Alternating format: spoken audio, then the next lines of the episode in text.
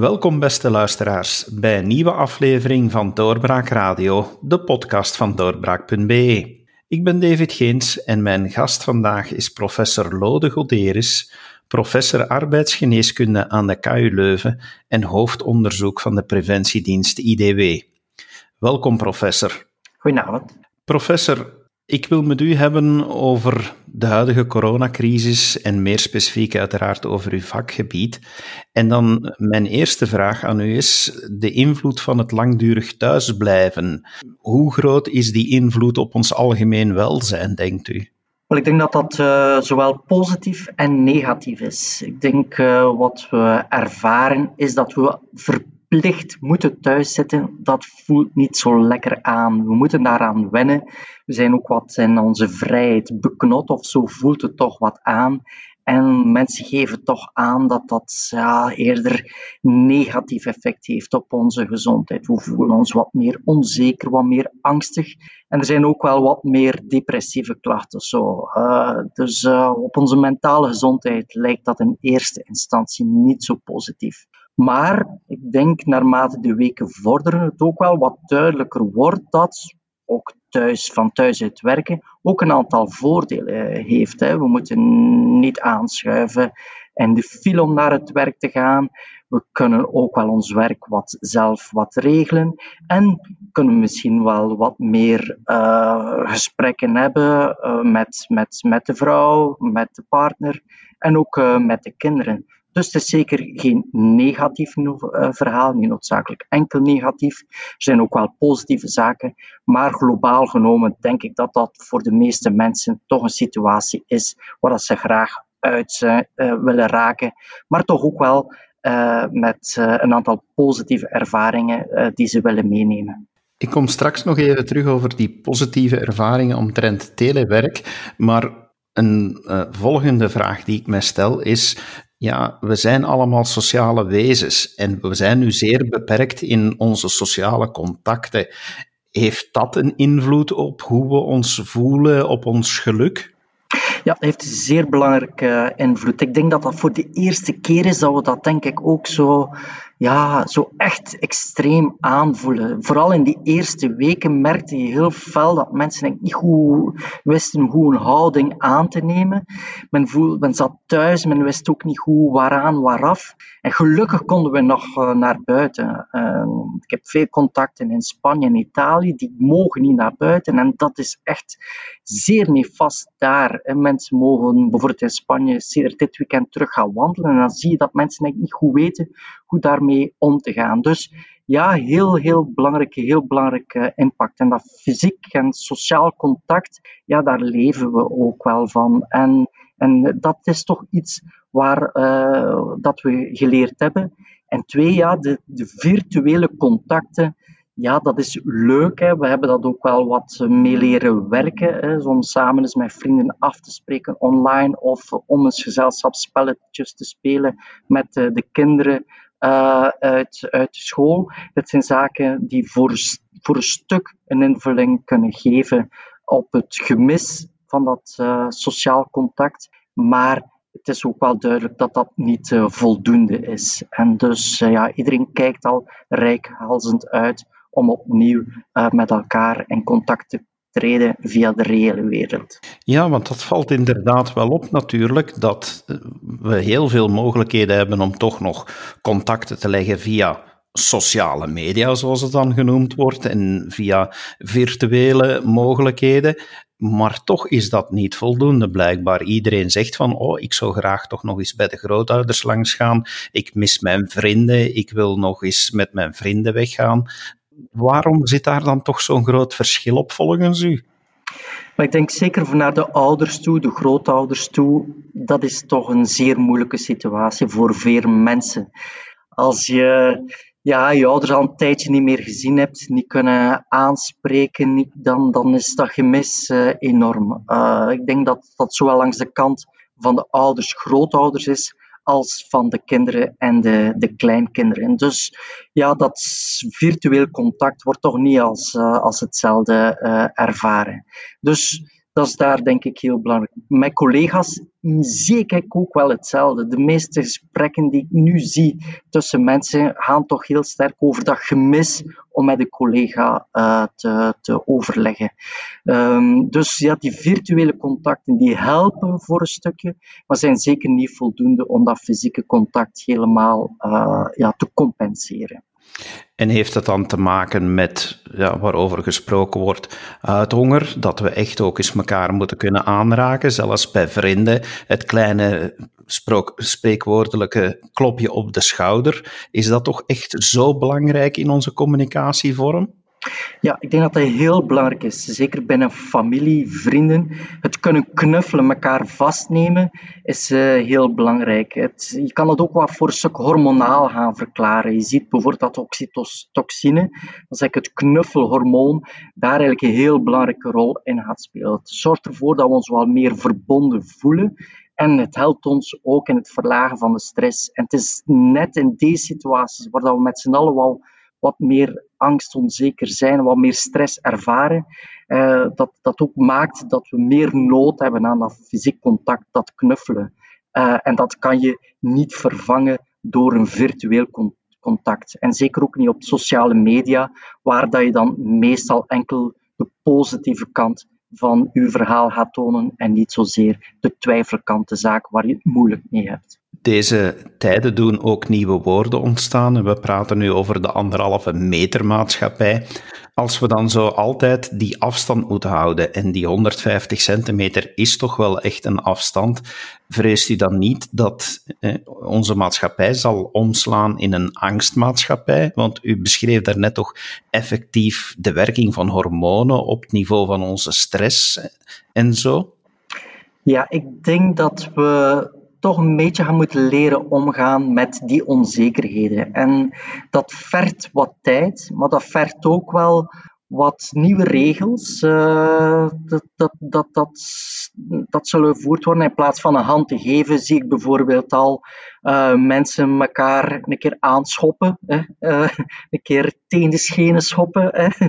Maar wel op een positieve manier. Hè? Waardoor dat je dan toch op een veilige manier toch rekening houdt met de afstand. elkaar dan toch eventjes kan voelen. Dus ik denk dat, dat dit soort van zaken heel snel hun intrede gaan doen.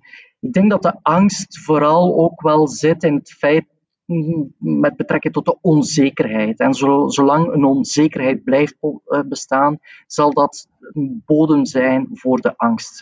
Hoe gaan we nu bijvoorbeeld veilig terugkeren? Hoe gaan we dit aanpakken? Zolang dat daar geen duidelijkheid over is, geen perspectief voor geboden worden, dan zit je eigenlijk uh, in die uh, angstsituatie. dus ik denk dat op zich die afstand dat we het daar voor een stuk moeilijk mee zullen hebben in het begin, maar dat zal wel, wel wennen. En van zodra het terug toegelaten worden, denk ik dat we elkaar echt wel gaan uh, uh, opnieuw kunnen vastpakken. En ik, ja, het doet mij ook wel een klein beetje denken dat dat helemaal geen impact zal hebben op lange termijn. Daar weet ik nog zo niet helemaal zeker van. En ik, ik, twijfel een beetje, omdat ik ook wel gezien heb na de aanslagen, bijvoorbeeld in Parijs en Brussel, heerst er toch ook wel een soort van angst voor het terrorisme. En zullen we als maats, hoe gaan we daar als maatschappij op reageren? En eigenlijk zie ik dat voor een stuk die angst toch wel met de tijd wat, wat weggeëpt is. Um, dus ja, daar kunnen we wel mee om. Langs de andere kant zie ik dat bijvoorbeeld het. Uh, de Dutroux-tijdperk, de Dutroux zelf en dus de, de angst voor kindermisbruik, uh, dat heeft wel ervoor gezorgd dat we eigenlijk anders uh, met kinderen omgaan. Heeft er ook voor gezorgd dat we wat beschermender zijn voor, voor kinderen en dat we niet zomaar uh, een, een, kind van een ander fysiek gaan aanraken. En ik zie wel grote verschillen opnieuw hoe, hoe noordelijker versus hoe zuidelijker. En dat valt daar toch wel wat op. Dus hier, ja, ik denk dat we wellicht uh, toch wel terug gaan denken aan deze periode, maar van zodra we opnieuw een normaal leven kunnen leiden, dat we terug wel die fysieke contacten gaan uh, opzoeken. 4 mei wordt dit jaar de Dag van de Arbeid. U schreef een boek over hoe moeilijk het is om na langdurige afwezigheid van een ziekte weer aan het werk te gaan. Maar ik wil toch even beroep doen op uw expertise in deze materie.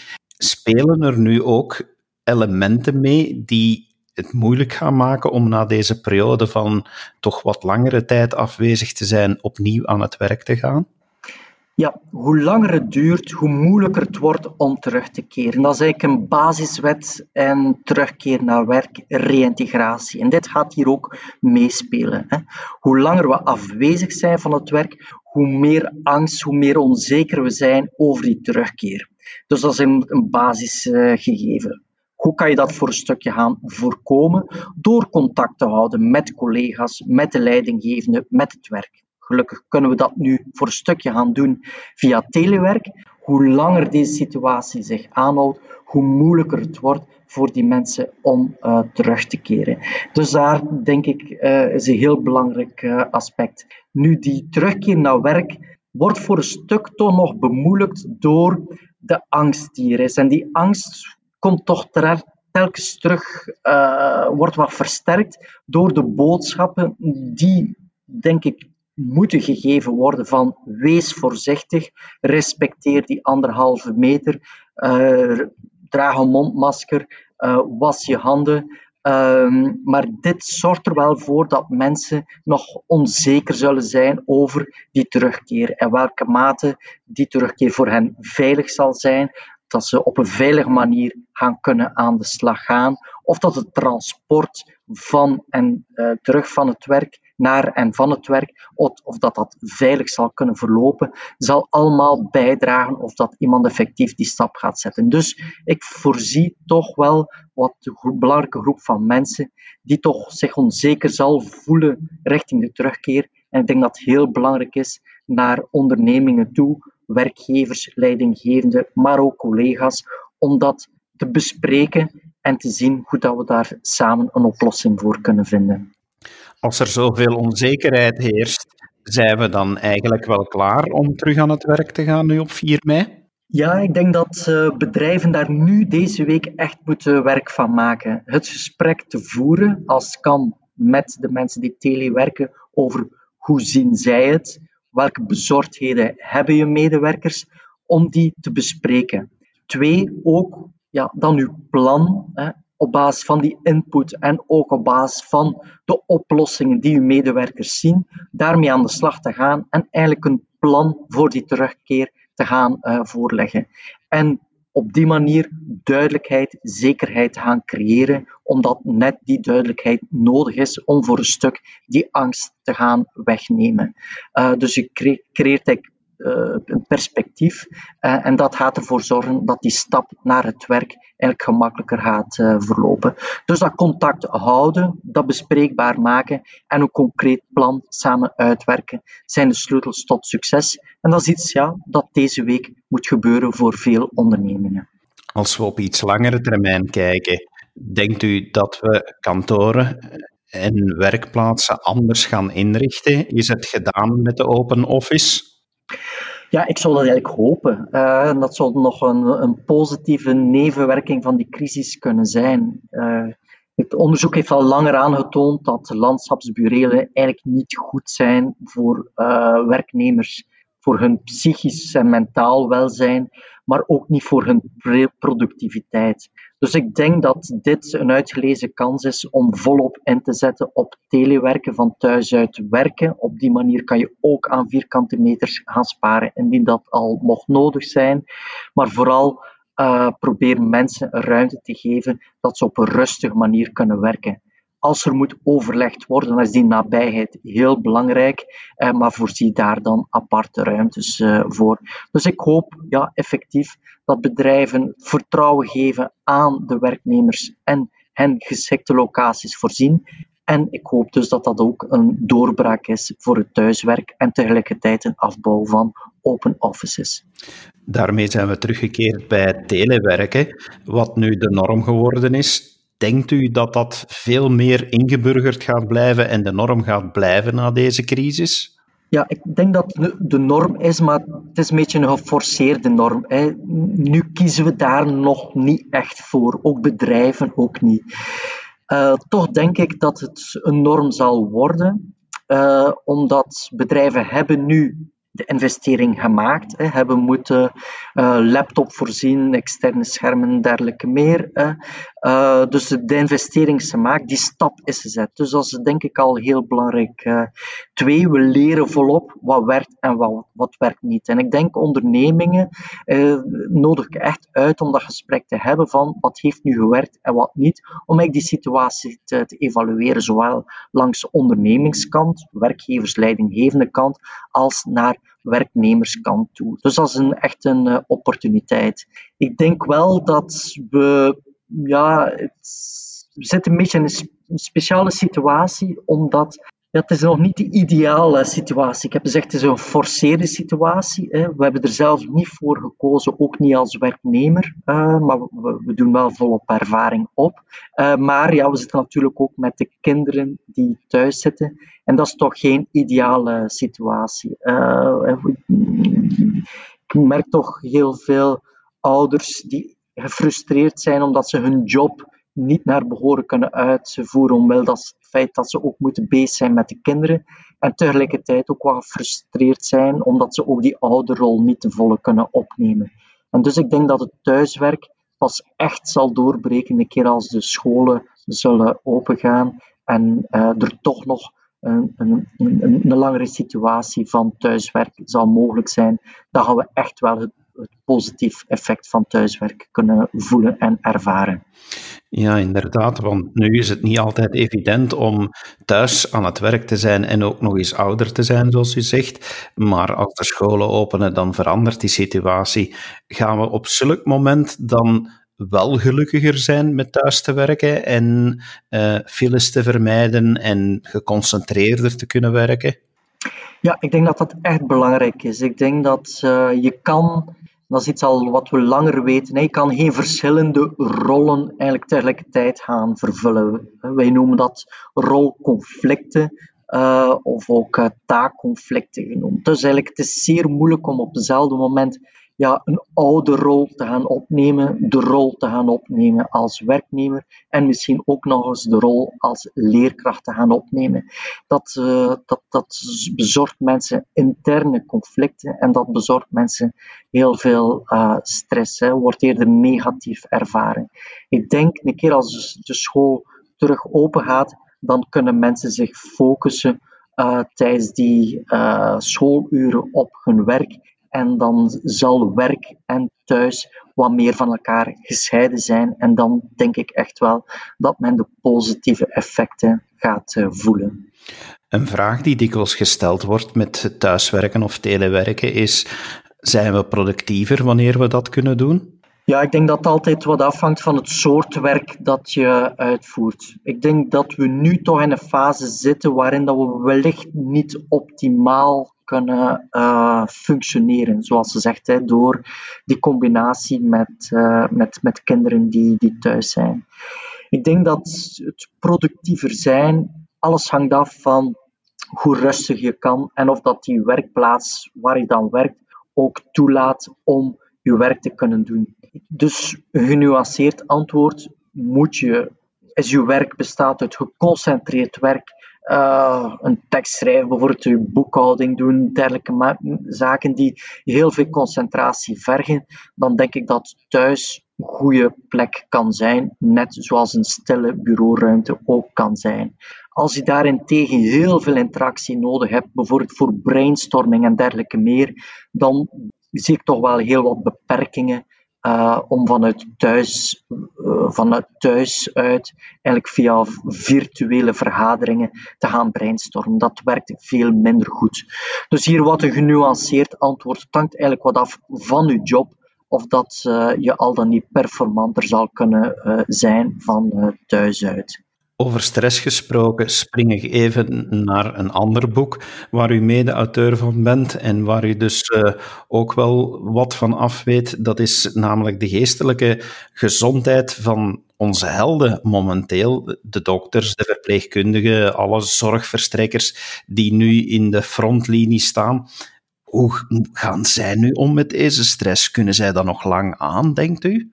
Ja, wel, ik denk dat uh, de zorg zeer goed georganiseerd is. Gelukkig uh, hebben we eigenlijk uh, goede capaciteit kunnen bouwen. En die ja, paar dagen, een week, twee weken voor de, de lockdown-situatie, waardoor dat, dat de zorg eigenlijk goed voorbereid is. Wat je wel merkt uiteraard, is dat een grote groep van zorgverleners is moeten opgeleid worden om te gaan nieuwe dingen te gaan doen die ze niet gewend waren.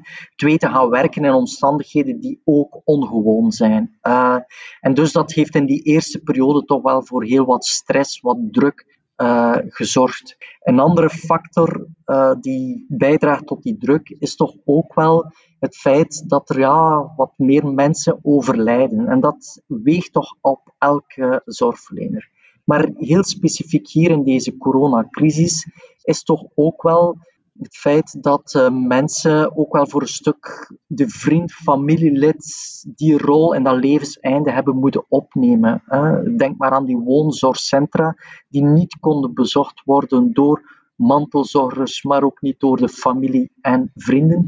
Dat maakt dat je als zorgverlener toch ook wel die rol wat wil gaan invullen. En dat is zeer moeilijk in een situatie waarbij dat je die fysieke afstand uh, moet gaan bewaren om dan zelf uh, niet besmet te raken en door te geven aan andere bewoners.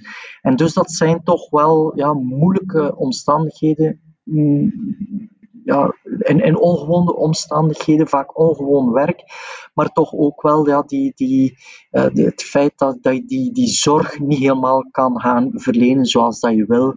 Uh, en ja, het ontbreken van de mantel uh, van familieleden en andere mantelzorgers maakt dat het wel voor veel zorgverleners uh, extra zwaar is. Um, maar ik lees ook wel heel mooie verhalen waarbij dat teams met elkaar aan de slag gaan, elkaar ondersteunen. Um, dus ik denk dat dat, dat, dat ook wel zekere verbinding binnen de zorg, uh, binnen teams en de zorg heeft ervoor gezorgd. Nu, wat ik hier ook nog wel wil aan toevoegen, is dat er toch ook wel een groep van zorgverleners is die momenteel ja, wat, wat niet goed weet waaraan waaraf. Hè. Een aantal diensten zijn afgebouwd.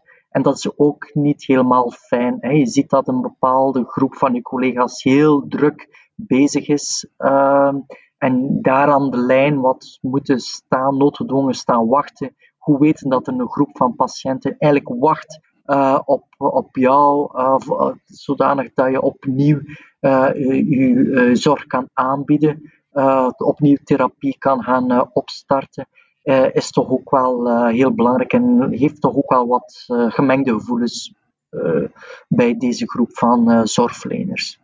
Denkt u dat de klap nadien zal komen en dat we een massale toename aan burn-outs in de zorg zullen zien, eenmaal deze piek in, in deze crisis voorbij is? Ja, dat is eigenlijk wat je zou kunnen verwachten. Um, dat is wat je ziet in andere landen, hè, waar dat, uh, en ook vanuit andere epidemies. We zien eigenlijk een verhoogde uitval tijdens, maar zeker ook na de crisis.